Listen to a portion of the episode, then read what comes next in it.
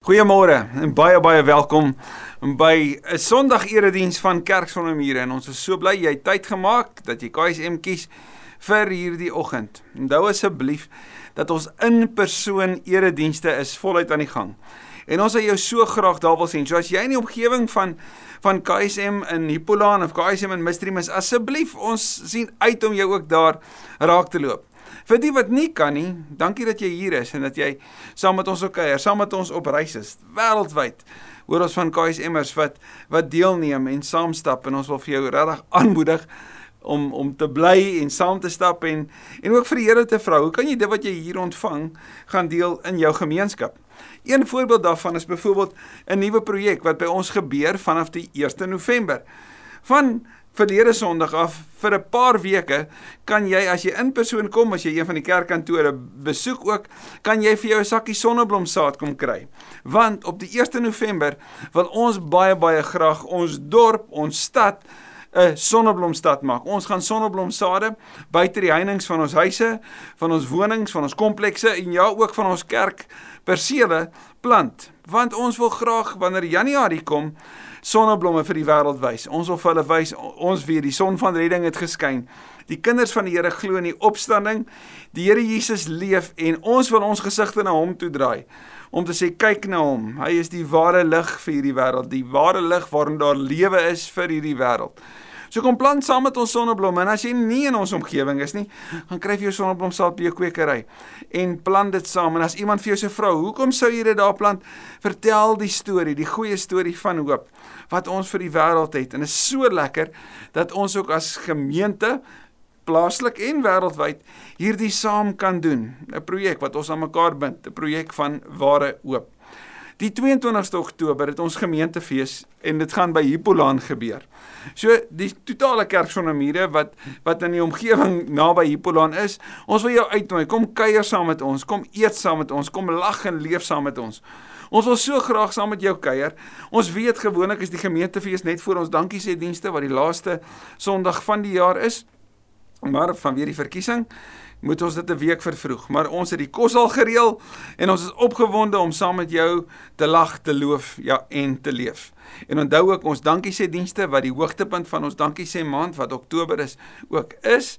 Op daai dag en in hierdie maand kry ons kans om te sê Here vir alles wat U vir ons gedoen het, vir al die voorregte wat ons het, vir al die seën wat ons kry wil ons in die besonder kom dankie sê. Ons wil 'n boonbehalwe bydrae kom gee. Ons wil kom deelneem, Here, in dit wat U doen en ons wil iets kom vertel van ons ons deel wees, jy's ook in hierdie reeks van ek's in om te sê ek's ook in met my beursie. En ek vertrou die Here en ek vertrou dat dit wat ek gee, gee ek met 'n blymoedige hart en dat die Here ook dit vir my sal voorsien. Paulus beskryf dit so mooi in 2 Korintiërs 8 wanneer hy praat oor die gelowiges in Macedonië wat by hom daarop aandring om te mag deel in die hulp wat gegee word vir die gemeentes vir die gelowiges daar in Jerusalem. Dan noem hy dit die liefdeswerk van hulpverlening. Griekse woord daar is koinonia, die geloofsgemeenskap. En ons het die voorreg om te kan deel in die liefdeswerk van hulpverlening juis ook op die 31ste Oktober en is 'n groot fees en 'n groot dankie sê en dis deel van ons dankie sê maand. Ons glo ook dat jy sal deelneem daarin. Vir almal wat dalk nuut is by ons, wat dalk vandag vir die eerste keer inloer, miskien het iemand vir jou hierdie skakel gestuur. Onthou ook, daar's vanaand Glow Live om 7uur.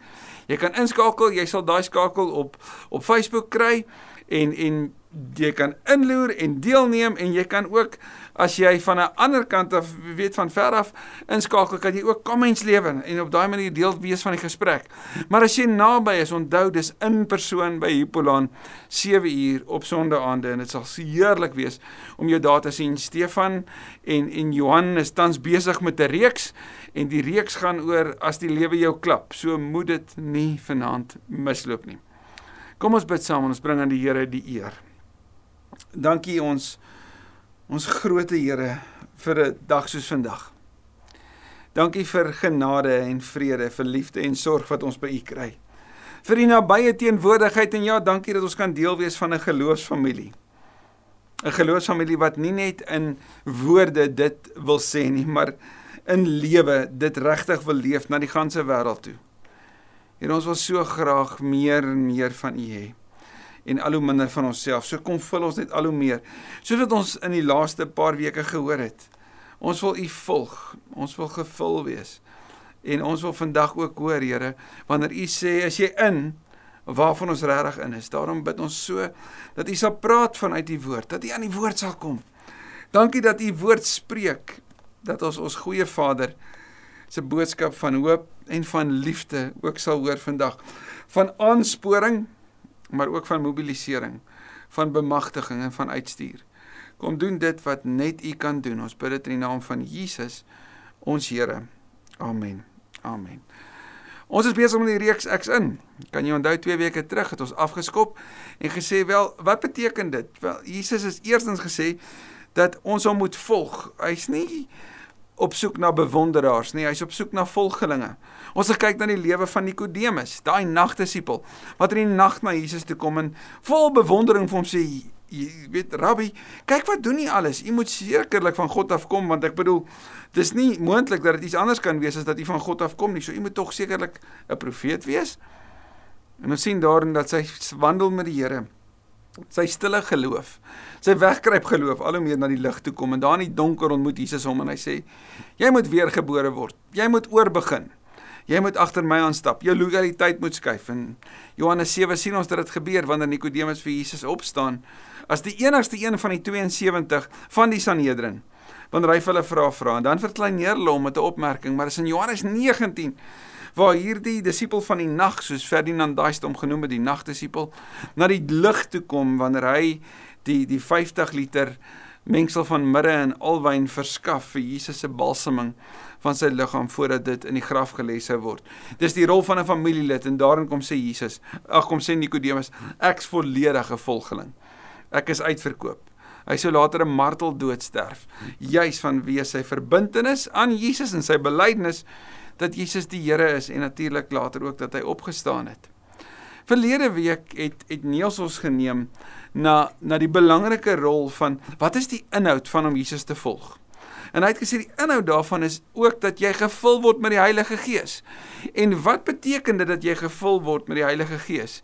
En hy het veral vir ons geneem na na twee plekke toe, nê. Hy het gesê een dat ons ons sonde sal bely. Dat ons sal leef in 'n nabye verhouding met die Here waar wanneer die sonde dit soos asemhaling, jy oefen dit, wanneer die sonde opkom, dan bely jy dit. En later word dit so 'n bewustheid van die teenwoordigheid van die Gees van God dat dit jou al hoe meer rig in jou lewe. En hy het gesê, erken jou swakheid. Moenie gaan leef uit jou eie krag uit nie. Sê Here, U weet ek is nie in staat om hierdie te kan hanteer nie. U weet ek is dalk vinnig van geaardheid. Ek antwoord vinnig eerder as om te luister. Ek is dalk iemand wat vinnig oordeel spreek, want ek voel ek kan vinnige besluite neem en ek kan lig en donker onderskei en ek kan vir jou sê wat moet gedoen word. En op daai manier kan ek dit dalk vir mense sleg laat voel.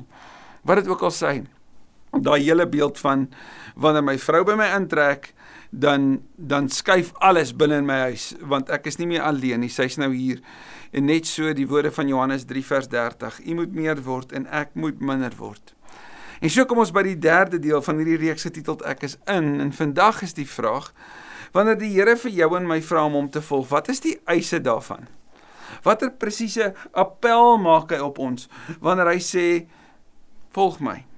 Wat is die die direkte invloed van hierdie woord volg my. Ek wil as ek sou teken en sê ek's in, weet ek wat dit vra.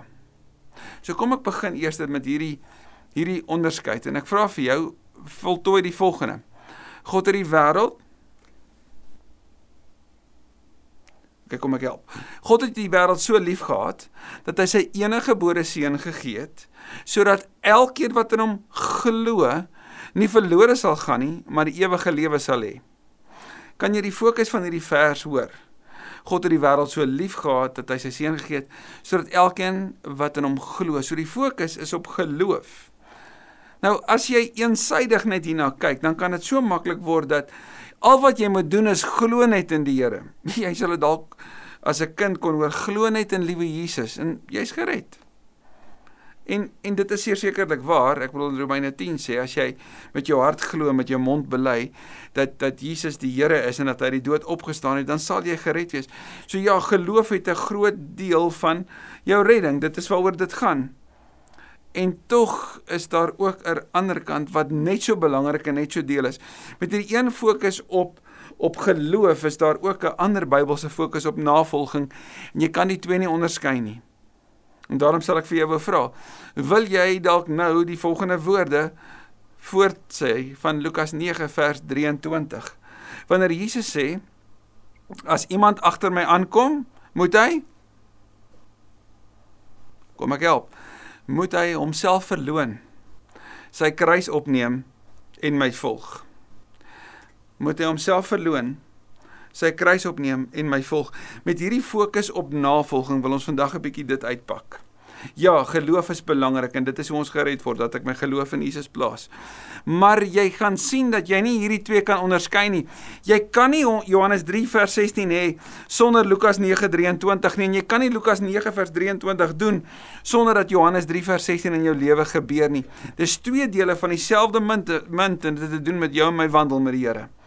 So wat sê Lukas 9. Dit sê dat Jesus sê as jy agter hom wil aankom, as jy hom wil volg, dan kom daar 'n groot pakket saam.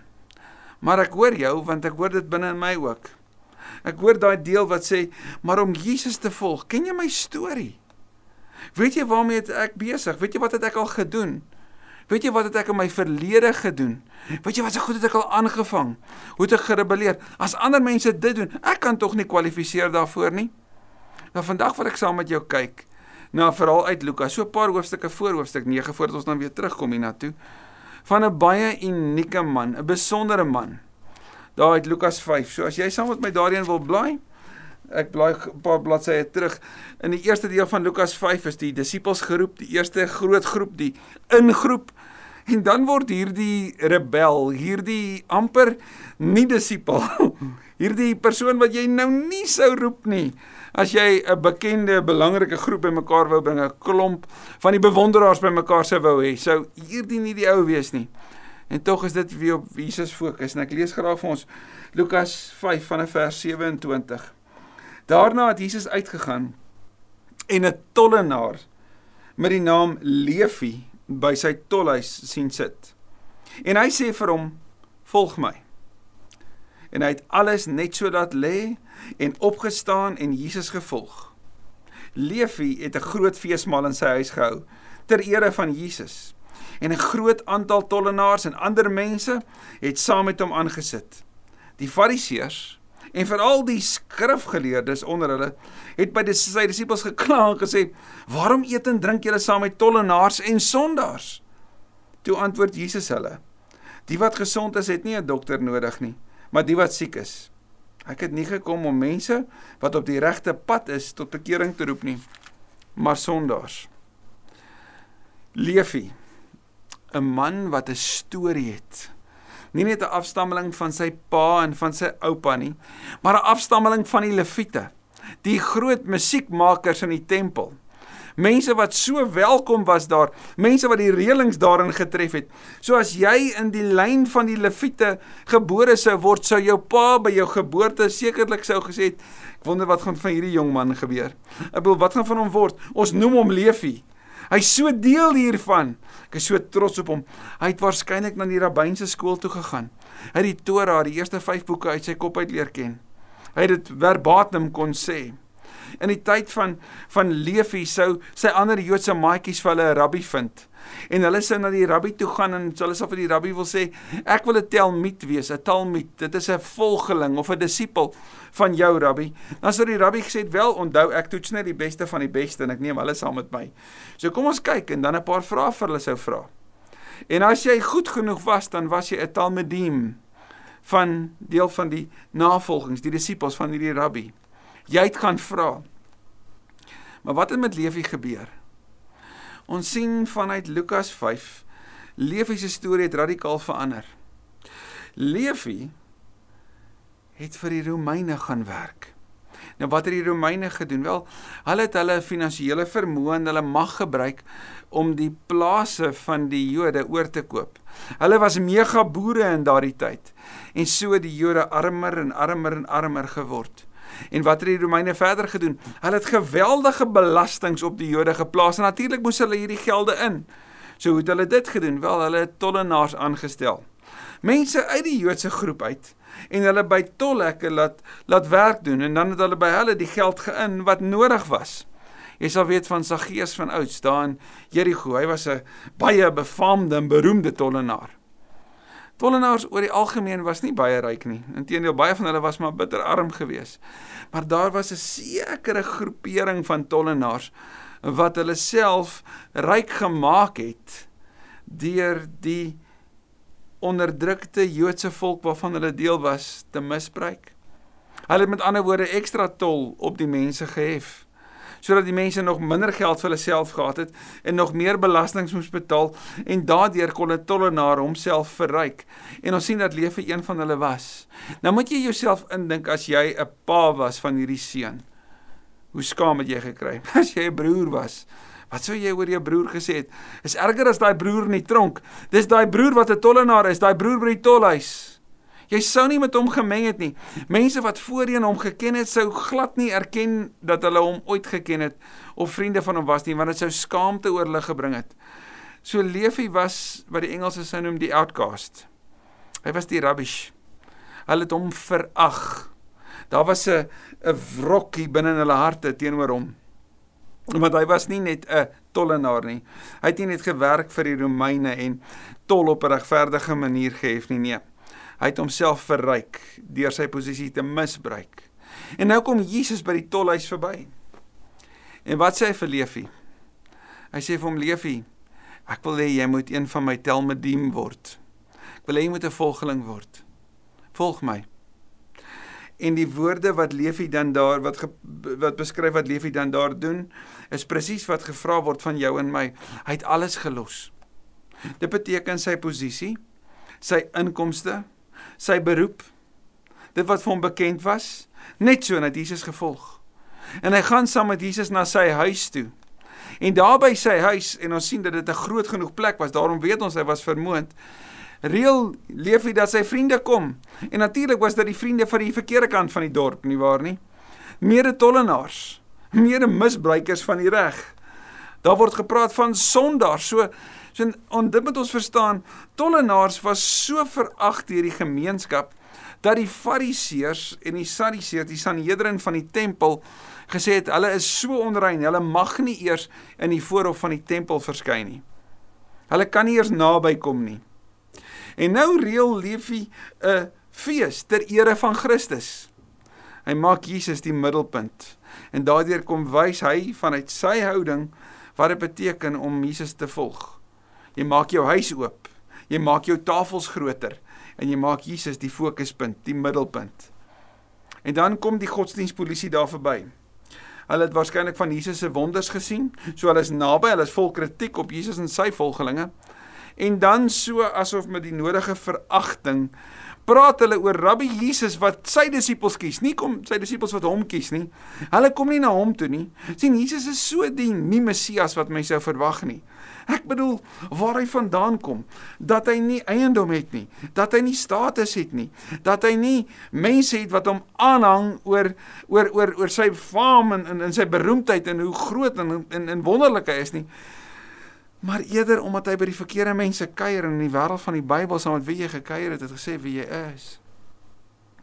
En dan sê hulle maar, hoe is dit dat julle by hom eet? En die Fariseërs, nie veral die skrifgeleerdes het met die disippels gepraat en is amper as hulle hulle so agteraf gaan murmureer het. En dan hier in die openbaar kom Jesus en hy verdedig vir Levi in die openbaar. En hy kom sê maar wie hy is. Ek het gekom om mense te roep wat siek is, om hulle te genees. Ek het gekom om mense op wat op die verkeerde pad was op die regte pad te roep. En die ironie daarvan is julle, die Fariseërs was net so op die verkeerde pad. Hulle het gedink hulle weet alles. Hulle het gedink hulle is gesond en hulle is rein en hulle het alles in pag. Maar is heel duidelik, hulle mis die punt. Hulle mis dit die meeste van almal. Maar Jesus het gekom vir Leefie. Hy het gekom vir Leefie en vir mense soos Leefie dat hulle saam met hom kan wees. En weet jy wanneer Levi oor homself skryf, dan ontdek ons dat Levi 'n naamsverandering gehad het. Jy sal dit lees daarin in Lukas 6 vers 15 en Matteus 9 vers 9. Levi se naam het Matteus geword. En weet jy wat beteken Matteus? Matteus beteken letterlik geskenk van God. Leefie, die weggooi rubbish. Die een op wie niemand gefokus het nie word die een wat Jesus sê hy is die geskenk van God. En voortaan sou dit vir hom moeilik gegaan het tussen die disippels. Hy was altyd die een wat die tollenaar was. Dis so hom sou ken. Dis sy agterstorie. Maar hy het 'n nuwe storie gekry met 'n nuwe naam. En en sien wanneer Jesus dis in in Lukas 9 sê elkeen wat wat hom wil volg, dan is dit 'n almal beklemming. Dis nie net 'n elkeen nie, maar dit is 'n almal wat my wil volg moet 'n paar dinge doen. Sy uitnodiging is aan almal. Dis aan Levi en dis aan Nathaniel. Dit is aan aan die kerkleier en aan die fariseer. Dit is aan die prostituut en die akademikus. Dis aan die straatvrou en aan die direkteur. Dis aan die skoolhoof en aan die dwelmverslaafde. Jesus se uitnodiging is vir almal en daarom vandag ook vir jou en vir my. En wanneer sy uitnodiging kom, dan klink dit so en ek wil graag hê jy moet saam met my na Lukas 9 blaai. Daar staan in vers 23: Toe het hy vir almal gesê: As iemand agter my wil aankom, moet hy homself verloon, elke dag sy kruis dra en my volg, want elkeen wat sy lewe wil behou, sal dit verloor, maar elkeen wat sy lewe om my ontwil wil verloor, sal dit behou. Hierdie woorde wat Jesus noem, naamlik wanneer iemand my wil volg, moet hy wegbeweeg, moet hy homself verloon, is dieselfde woorde wat uit die huwelikstaal uitkom. Want sien, wanneer jy in 'n huwelik bevestig word, dan sê jy ek sal alles verlaat om saam met jou te wees vir altyd en in alle omstandighede. En as jy nou ooit lank getroud was, selfs die jong getroudes onder ons sal die volgende sê: As jy trou, dan verander daar 'n paar dinge in jou lewe nie waar nie? Ek bedoel daar verander goed soos jou begroting is nie meer joune nie soos jou beweging is nie net meer vir jou nie. Jou tyd is nie meer net vir jou nie. Jy sal agterkom dat dit sekere goed van jou gaan kos. Want skielik is die skottelgoed wat moet gewas word dubbel die hoeveelheid. Die wasgoed wat gewas moet word dubbel die hoeveelheid. Daar's 'n huishouding om om aan mekaar gehou te word en dit gaan jou verder kos. Vergifnis. Baie geduld. Baie sondebelydenis. Baie ongemak. Ook so, ja. Maar hoekom is dit daar? Want daar's 'n verhouding wat belangriker is. 'n Verhouding vanuit liefde. 'n Verhouding wat definieer dat as jy my my my liefhet, as jy saam met my is, as jy nie kontrak sluit nie, maar karat is verbond. As jy dit het, dan gaan jy dit aan jou lyf voel. Maar dit gaan vir jou soveel meer bring. Gaan jou met soveel meer vreugde vul. So, stel jouself voor twee mense wat saam bly beloof vir mekaar die volgende. Dan sal dit seker so iets klink, nê. Nee. Ek sal by jou bly solank as dit my pas. As jy siek word, sal ek vir jou medisyne gaan kry. As jy dit ongemaklik vir my maak, sal dit vir my moeilik wees om by jou te bly. Ek hou van die agterdeur, so pas op. Wees mooi met my. En so aan en so aan en so aan. Jy kan hoor, dis mos nie 'n belofte nie. Dis nie 'n eks in nie. Dis 'n ja, dit werk nou nie regtig vir my om op 'n dieper vlak van verbintenis te gaan nie. Wat vra Jesus van ons? Hy vra alles. Hy sê as jy hom volg, dan neem jy jou kruis op. Dis die simbool van verlossing, die simbool van redding en ja, die simbool van liefde, God se liefde. Waarin jy jouself tweede plaas en jy stap agter hom aan sodat almal kan sien jy's nie joune nie, jy's syne. Jy word al hoe minder en hy word al hoe meer.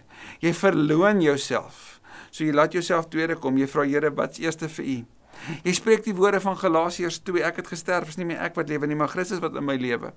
Jy leef met 'n nuwe perspektief, soos Hebreërs 12 sê, ter wille van die vreugde wat vir hom in die vooruitsig was, het hy die kruis verduur. So jy doen dit. Jy gaan deur die ongemak want jy weet dit is vorming, want jy weet dat enige vorm van loutering het nie die die proses op fokus nie, maar die resultaat. Ek word al hoe meer soos Jesus. Al hoe meer rein, al hoe meer suiwer. En so sê Efesiërs, word al hoe meer gevul met die volheid van God en dit is sy liefde. En dan leef ek op 'n ander manier in my verhoudings. Ek leef met 'n hipotasso om ondergeskik te wees. Of dit nou my my mense by die huis is of dit my kinders is of dit by die werk is, ek leef met daai ingesteldheid omdat dit nie oor my gaan nie. Jesus maak dit duidelik. Hy wil hê almal moet hom volg. Dis 'n uitnodiging vir almal. Maar as jy kies, weet dit kom vanuit liefde. Maar twee, weet dit sal nooit weer oor jou kan gaan nie, maar oor hom. Hy nooi ons in. Hy nooi ons om naby hom te wees. Joe Stowell, die die vorige president van die Moody Bible Instituut, skryf dit as volg: Many of us live our faith as though Christ exists to follow us. We come to believe that Christ exists to satisfy our demands. This disguised form of self serving religion sets Christ up as just one more commodity in life that will enhance and empower our dreams. Dit is om 'n bewonderaar te wees. Jesus sê as jy hom volg, dan leer jy God se wette gehoorsaam. Dan leef jy soos wat die Here wil hê jy moet leef. 1 Johannes 2 vers 6 sê, dan leef jy soos Jesus geleef het. Dan leef jy die Jesus lewe. En hoe lyk daai lewe? In 1 Johannes 4 definieer dit en ek lees daarom graag vir ons 1 Johannes 4 vers 17 tot 19. Hierin het die liefde sy doel volkome met ons bereik. Ons het niks te vrees vir die oordeelsdag nie, want in hierdie wêreld leef ons reeds deur die liefde net soos Jesus. Ware liefde is, waar liefde is, ekskuus, is daar geen vrees nie. Maar volmaakte liefde verdryf vrees, want vrees verwag straf. En wie nog vrees, het nie volmaakte liefde nie. Ons het lief omdat God ons eerste lief gehad het. So wat is Jesus se appel op ons? Ek het jou so lief dat ek wil hê jy moet in my glo. En as jy glo, dan word jy deel van die ewige familie. Ek wil hê dat jy agter my aan moet stap. Want soos wat jy agter my aanstap, gaan jy ontdek wat liefde is. Liefde is weggee. Liefde is agter in die ry staan. Liefde is nie 'n fokus op jouself nie, dit is 'n fokus op my en op ander. Hoe meer jy lief is vir my en groei daarin, hoe meer sal jy sien dat jy minder word en ek word meer. En hoe meer dit waar word, gaan jy al hoe meer liewer word vir mense. Jy gaan by verkeerde mense kuier. Jy gaan dalk ongewild raak. Jy gaan skuif in jou lojaliteit en jou woorde en jou optrede. En dit kom alles uit liefde, nie uit skuldgevoel of onsekerheid of vrees nie. En hoe meer jy dit doen, hoe meer beleef mense my. Hoe meer kry ek die eer.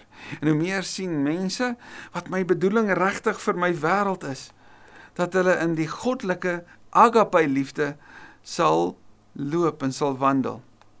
Soos jy in. Is jy in vandag? kan ek en jy vandag sê, Here, u liefde oorweldig my. U liefde raak my aan. U liefde raak die seer en die skaamte van my lewe aan. Here, ek het soveel verskonings al in die verlede gebruik. Godsdienstige verskonings dat ek nie inpas nie.